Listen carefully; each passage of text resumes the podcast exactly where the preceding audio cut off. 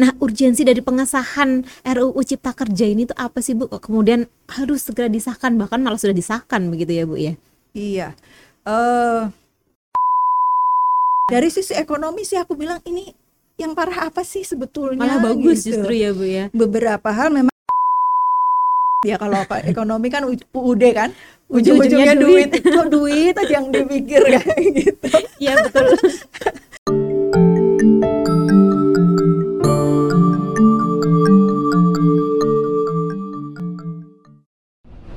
Assalamualaikum warahmatullahi wabarakatuh. Hai Sobat UNES, senang sekali nih pada kesempatan kali ini bersama saya Tuti Wijayanti dalam podcast UNES edisi Kata Pakar Nah pada kesempatan kali ini sudah hadir seorang pakar ekonomi Karena pada kesempatan kali ini juga saya akan membahas terkait perekonomian.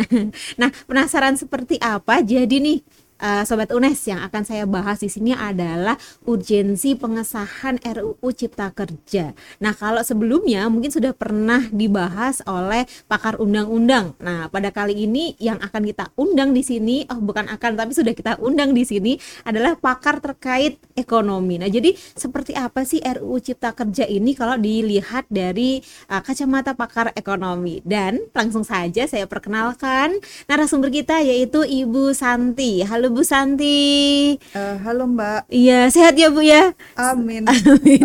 Mungkin bisa saya hello dulu kepada sobat UNES Bu, memperkenalkan diri dan lain sebagainya. Baik Sobat UNES, hai semoga selalu sehat. Saya Santi Oktavilia, kebetulan ada di Home Base Ekonomi Pembangunan.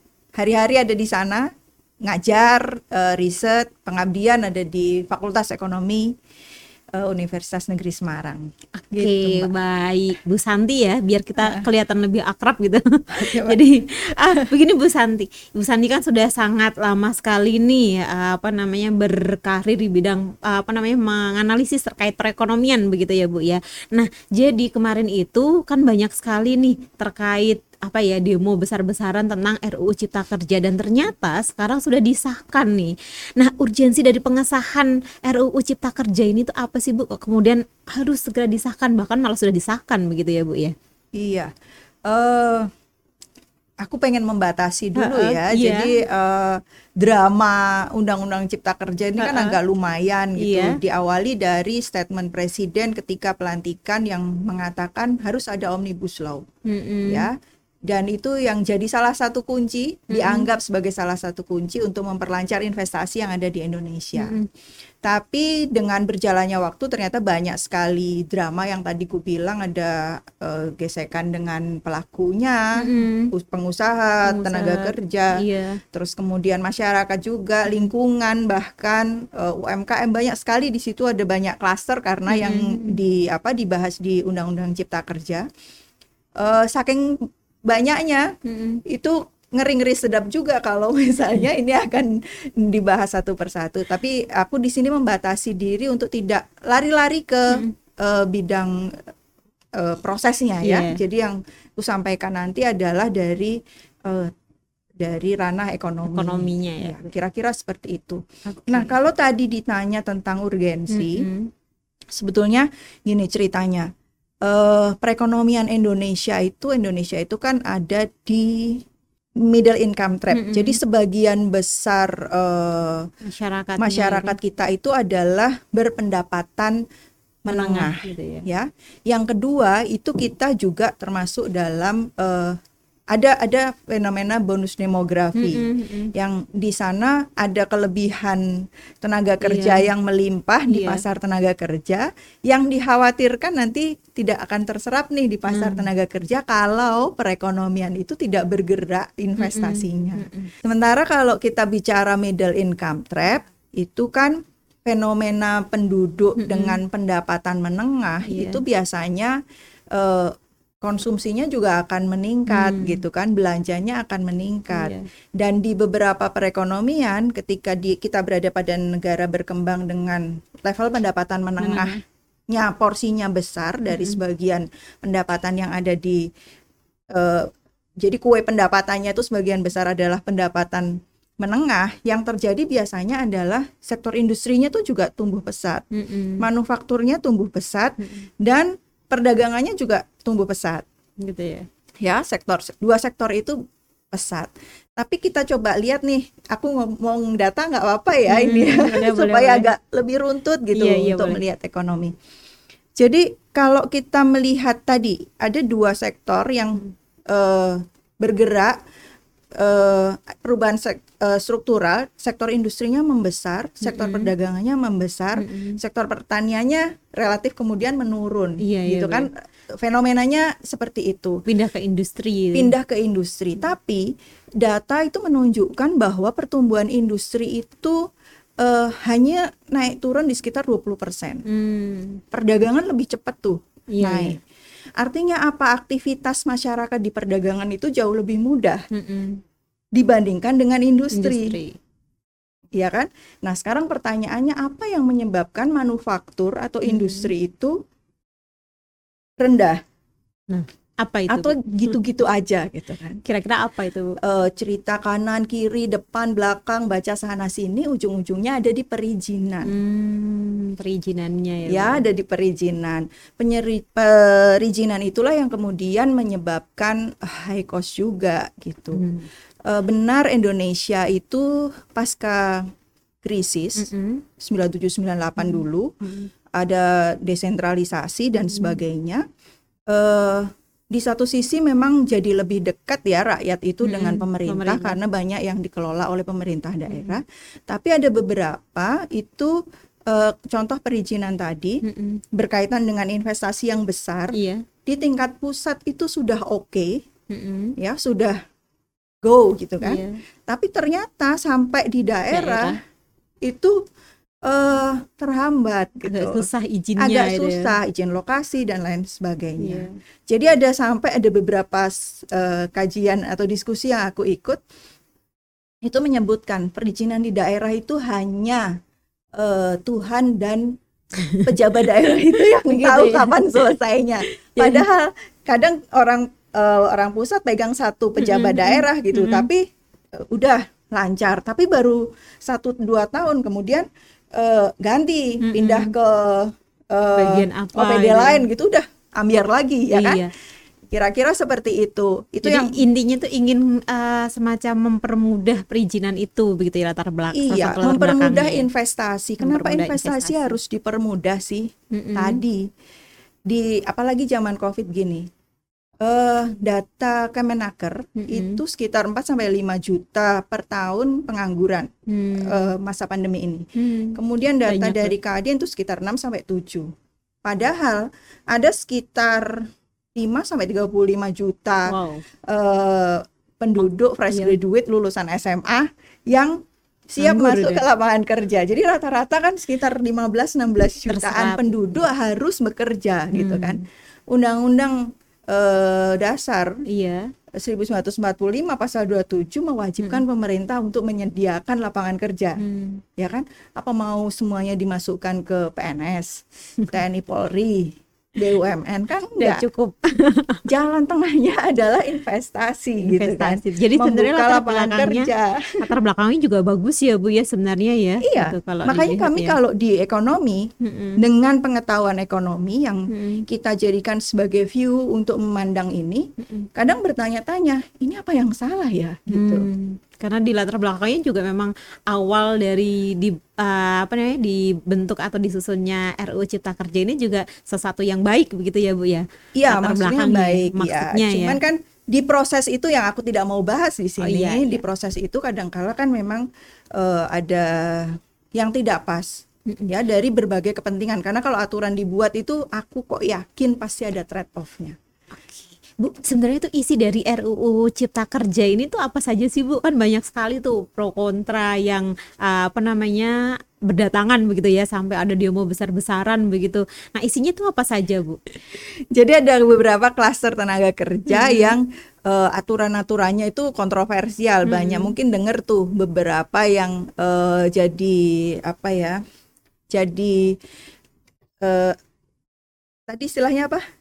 Apa, Bu? Hoax. Yang hoax ya. Hoax ya. Itu karena kekuatan jari kita aja. Hmm. Karena mind share terus kemudian mem- menyebabkan masyarakat yang tidak eh, tidak selalu sempat untuk mengkonfirmasi itu langsung eh, Hmm. Percaya sama itu ya. percaya terus berita. kemudian jadi uh, jadi apa jadi demo banyak Mm-mm, itu.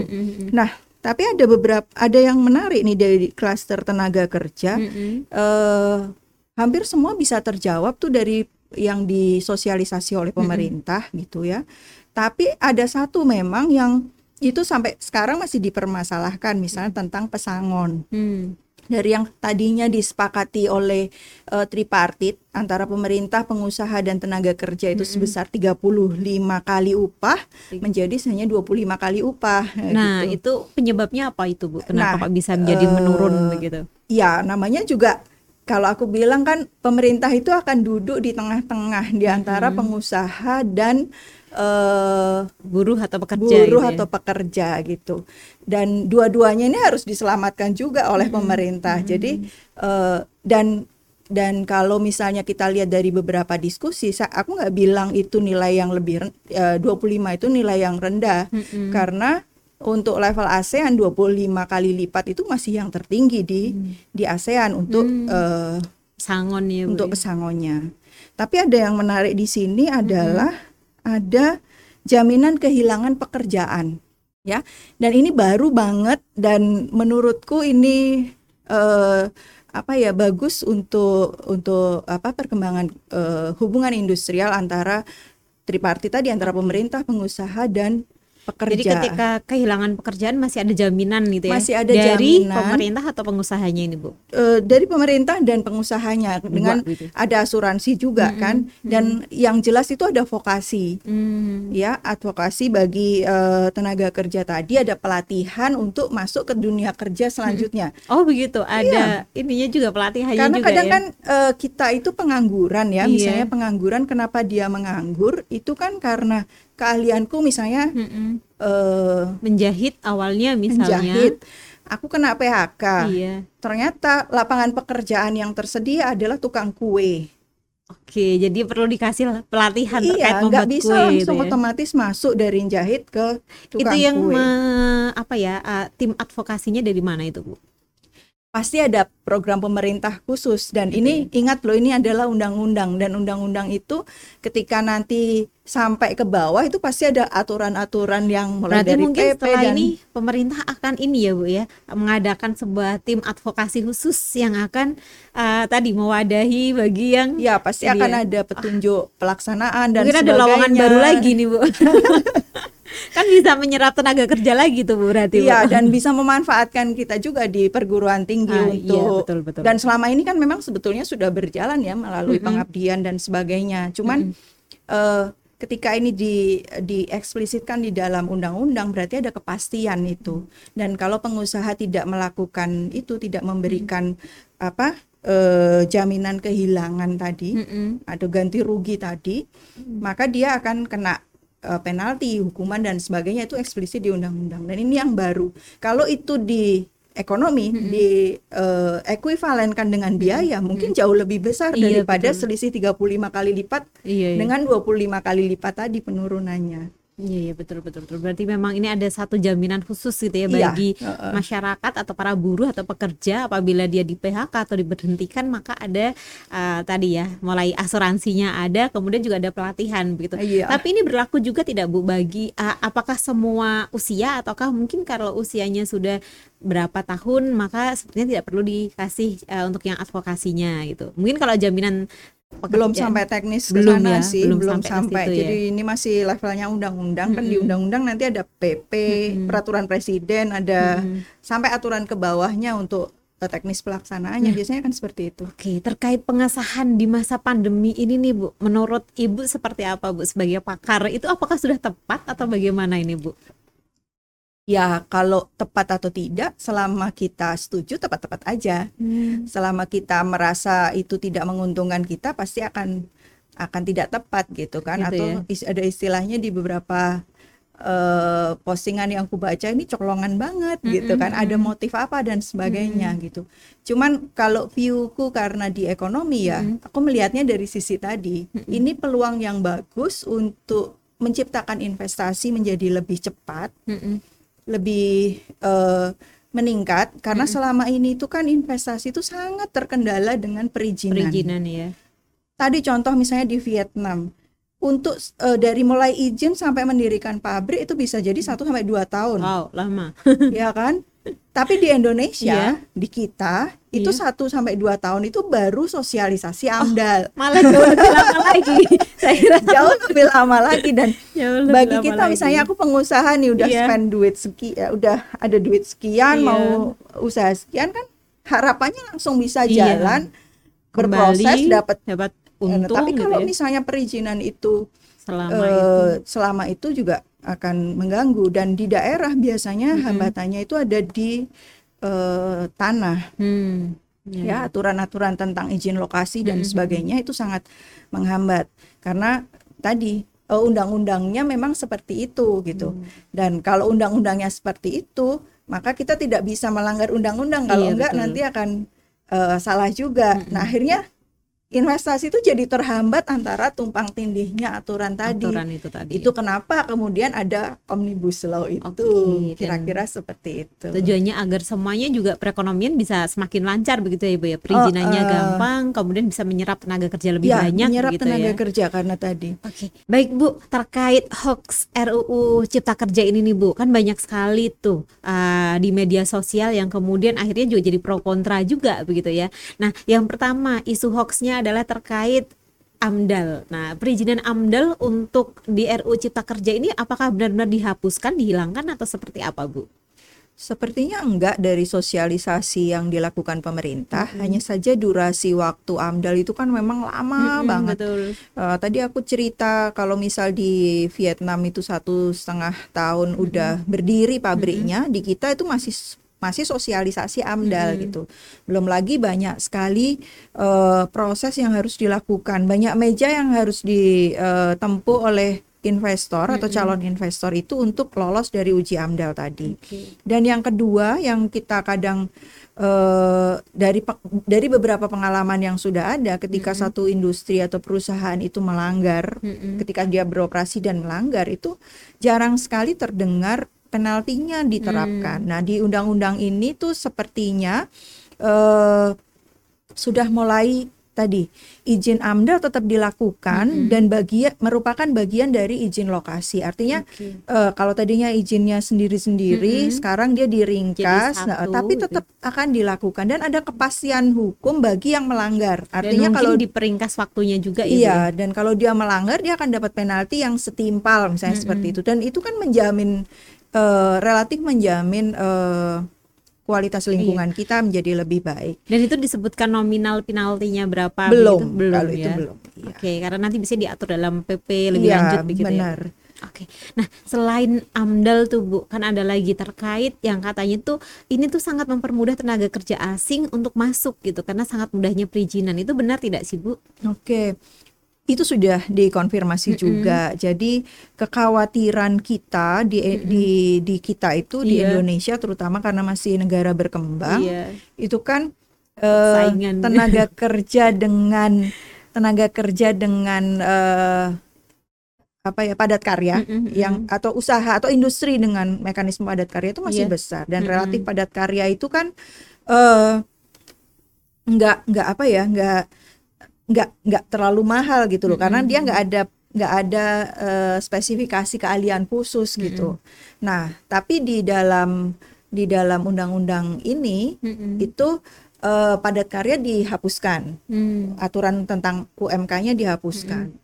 Tapi ada kemarin yang dipermasalahkan juga itu berkaitan dengan uh, upah sektoral. Mm-hmm. Upah sektoral kok nggak muncul gitu. Iya. Padahal kan uh, satu apa satu sektor dengan sektor lain itu pasti ada upah minimum mm-hmm. yang berbeda. Contoh iya. misalnya sektor pertanian dengan sektor pertambangan, mm-hmm. orang bekerja tidak bisa dengan satu satu uh, upah minimum yang, yang sama, sama gitu ya. Kira-kira misalnya di pertambangan itu. lebih berat, misalnya resikonya lebih besar begitu sehingga iya. mungkin uh, apa namanya terkait gajinya juga harus lebih besar begitu ya iya benar. Itu yang jadi apa jadi masalah juga kemarin untuk perdebatan. Tapi lain-lain itu bagus.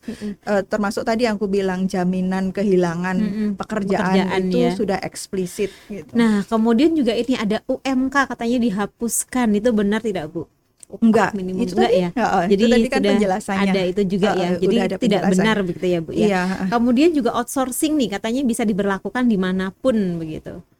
eh itu juga bisa sudah Bisa. sudah terkonfirmasi oleh Mm-mm. beberapa apa beberapa sosialisasi yang Mm-mm. dilakukan pemerintah kalau itu tidak di tidak dibenarkan. Mm-mm. Sementara memang kita kita percaya dulu deh Gitu. untuk melihat bukti bukti yang Bahwa dikatakan baik gitu pemerintah ya? bahwa itu tujuannya baik Oke. dan nanti eksekusinya akan sesuai dengan apa yang dijelaskan saat ini.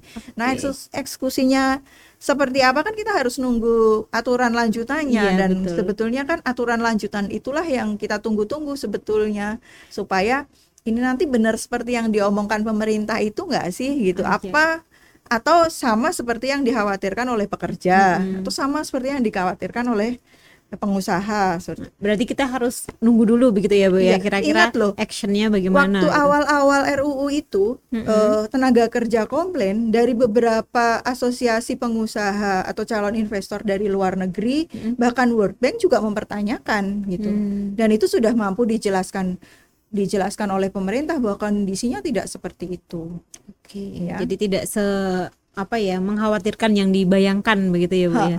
Oke, satu lagi nih Bu terkait waktu kerja yang katanya tuh lebih apa ya uh, tidak manusiawi istilah- istilahnya seperti itu. Itu benar tidak sih Bu?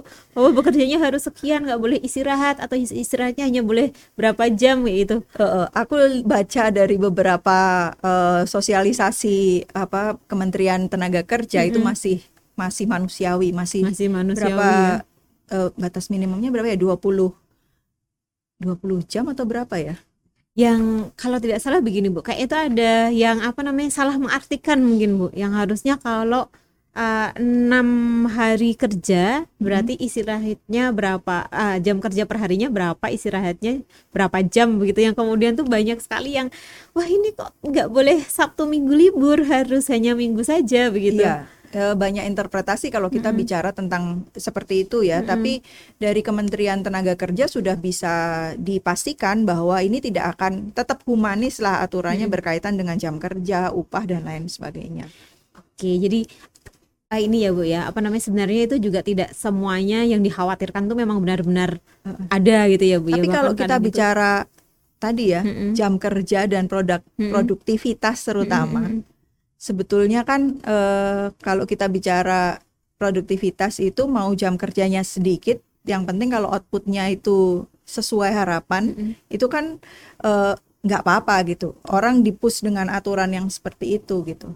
Nah, tapi kadangkala eh, kebiasaan kita nih kerjaan yang bisa diselesaikan satu jam, Mm-mm. ya kerjaan yang bisa diselesaikan satu jam, kita kadang selesaikan dalam dua hari. Iya, betul. Iya kan? Nah itu kan bagian dari Iya, betul. inefisiensi Iya, gitu. Nah itu kalau kalau mau diturutin semua ya masing-masing harus memaksimalkan utilitasnya. Hmm. Pekerja akan pengennya dapat durasi yang panjang Mm-mm. untuk liburan, Iya. dibayarnya sama, Iya. kerjaannya akan itu-itu aja. Tapi bagi pengusaha kan itu sebuah kerugian Iya, gitu. betul betul. Nah, oleh karena itu ancaman pengusaha itu biasanya adalah switch ke teknologi. Mm-mm, Tapi mm-mm. switch ke teknologi kan juga nggak mudah. Iya, dan juga butuh modal juga ya, Bu ya. Betul, itu Oke. kira-kira. Nah, yang terakhir nih Bu terkait RUU Cipta Kerja ini, pasti ketika disahkan ini kan menjadi ada beberapa dampak positif dan juga negatifnya tuh. Nah, dampaknya apa saja ini? Positifnya seperti apa, negatifnya yang bagaimana? Atau Eh. positif semua ini Bu, jangan-jangan. Ya pasti namanya eh, aturan itu ada trade off-nya ya. Mm-mm. Ada ada benefit dan ada cost-nya. Ya, cost itu biasanya akan cenderung pada kerugian-kerugian dan kerugian itu dianalogikan dengan biaya, Mm-mm. ya. Nah, sejauh kerugian itu pasti akan ada, Mm-mm. ya. Sosialisasi dan sebagainya itu pasti ada biayanya. Iya, betul. Tapi kalau misalnya itu masih banyak manfaatnya jauh lebih besar, ya Mm-mm. kenapa nggak dicoba dulu deh gitu? Jadi coba toh ini juga nggak akan saklek-saklek amat gitu sekian tahun nanti akan eh, dilihat dievaluasi akan bisa di eh, dibenerin lagi Mm-mm. gitu loh ada satu mbak yang aku mau sampaikan Iya. tentang- UMKM Iya, ya iya. ada klaster Oh, iya. khusus itu UMKM di kita itu kan Mm-mm. porsinya gede Mm-mm. gitu dan di undang-undang ini tuh sangat diakomodasi Mm. terutama berkaitan dengan memformalkan UMKM. Begitu ya. Harapannya kalau dia lebih formal bisa Iya. mengakses eh, apa eh, program pemerintah jauh Mm-mm. lebih besar. Mm-mm. Kalau dia bisa mengakses program pemerintah jauh lebih besar, program pemerintah itu bisa dari permodalan, dari eh, vokasi pro- Iya. cara produksi, pemasaran dan lain sebagainya. Bisa dapat bantuan modal juga gitu. Iya, kalau dia lebih besar maka usahanya akan membesar. Jadi UMKM nggak akan berhenti di UMKM terus dia akan Apalagi UMKM-nya juga sudah sangat banyak sekali ya Bu ya di Iya. Indonesia ya Bu ya. dia akan naik kelas jadi Iya. usaha menengah dan Mm-mm. sebagainya. Nah, ketika dia naik kelas itu akan ada tenaga kerja yang terserap terserap. lebih banyak lagi begitu nah, ya. kalau tenaga kerja yang terserap orang yang punya pendapatan eh, jauh lebih banyak, Iya. duitnya jadi lebih gede, ibaratnya seperti itu kan. Perekonomiannya jadi semakin membesar. Betul sekali. Jadi Pertumbuhan lebih ekonominya jauh lebih lebih mandiri juga Baik. ya masyarakatnya Bener. ya Bu ya. dari sisi ekonomi sih aku bilang ini yang parah apa sih sebetulnya Malah bagus gitu. justru ya Bu ya. beberapa hal memang efisien Mm-mm. cuman ya kita kan nggak boleh nggak boleh terlalu bersemangat sampai kemudian nanti dikira ini matre banget ya kalau ekonomi kan UUD kan Ujung-ujungnya duit. duit. Kok duit aja yang dipikir kayak gitu? Iya betul. cuman kan nggak bisa gitu amat bahwa kita kita di perekonomian itu juga nggak bisa mikir secara individu. Oke. kita mikirnya juga secara keseluruhan ya perekonomian secara keseluruhan atau secara agregat Baik, wah, luar biasa sekali nih pembahasan kita ya Sobat UNES dan tidak terasa ternyata sudah panjang sekali waktunya. Dan saya ucapkan terima kasih pada Bu Santi yang sudah berkenan saya undang di sini, saya ajak berbincang-bincang terkait uh, urgensi dari RUU Cipta Kerja ini. Uh, jangan ini ya Bu ya, bosan-bosan diundang ke sini Bu. Mungkin besok akan diundang lagi untuk hal-hal yang lain begitu ya Bu oke ya. siap Baik, dan untuk sahabat UNES, terima kasih banyak yang sudah menyaksikan podcast UNES. Jangan lupa selalu ikuti podcast UNES di YouTube-nya Podcast UNES. Kemudian juga jangan lupa juga ikuti IG-nya Podcast UNES dan juga Spotify-nya Podcast UNES. Saya Tuti Wijayanti dan saya Santi oke, Oktavilia pamit undur diri. Wassalamualaikum warahmatullahi wabarakatuh. Waalaikumsalam warahmatullahi wabarakatuh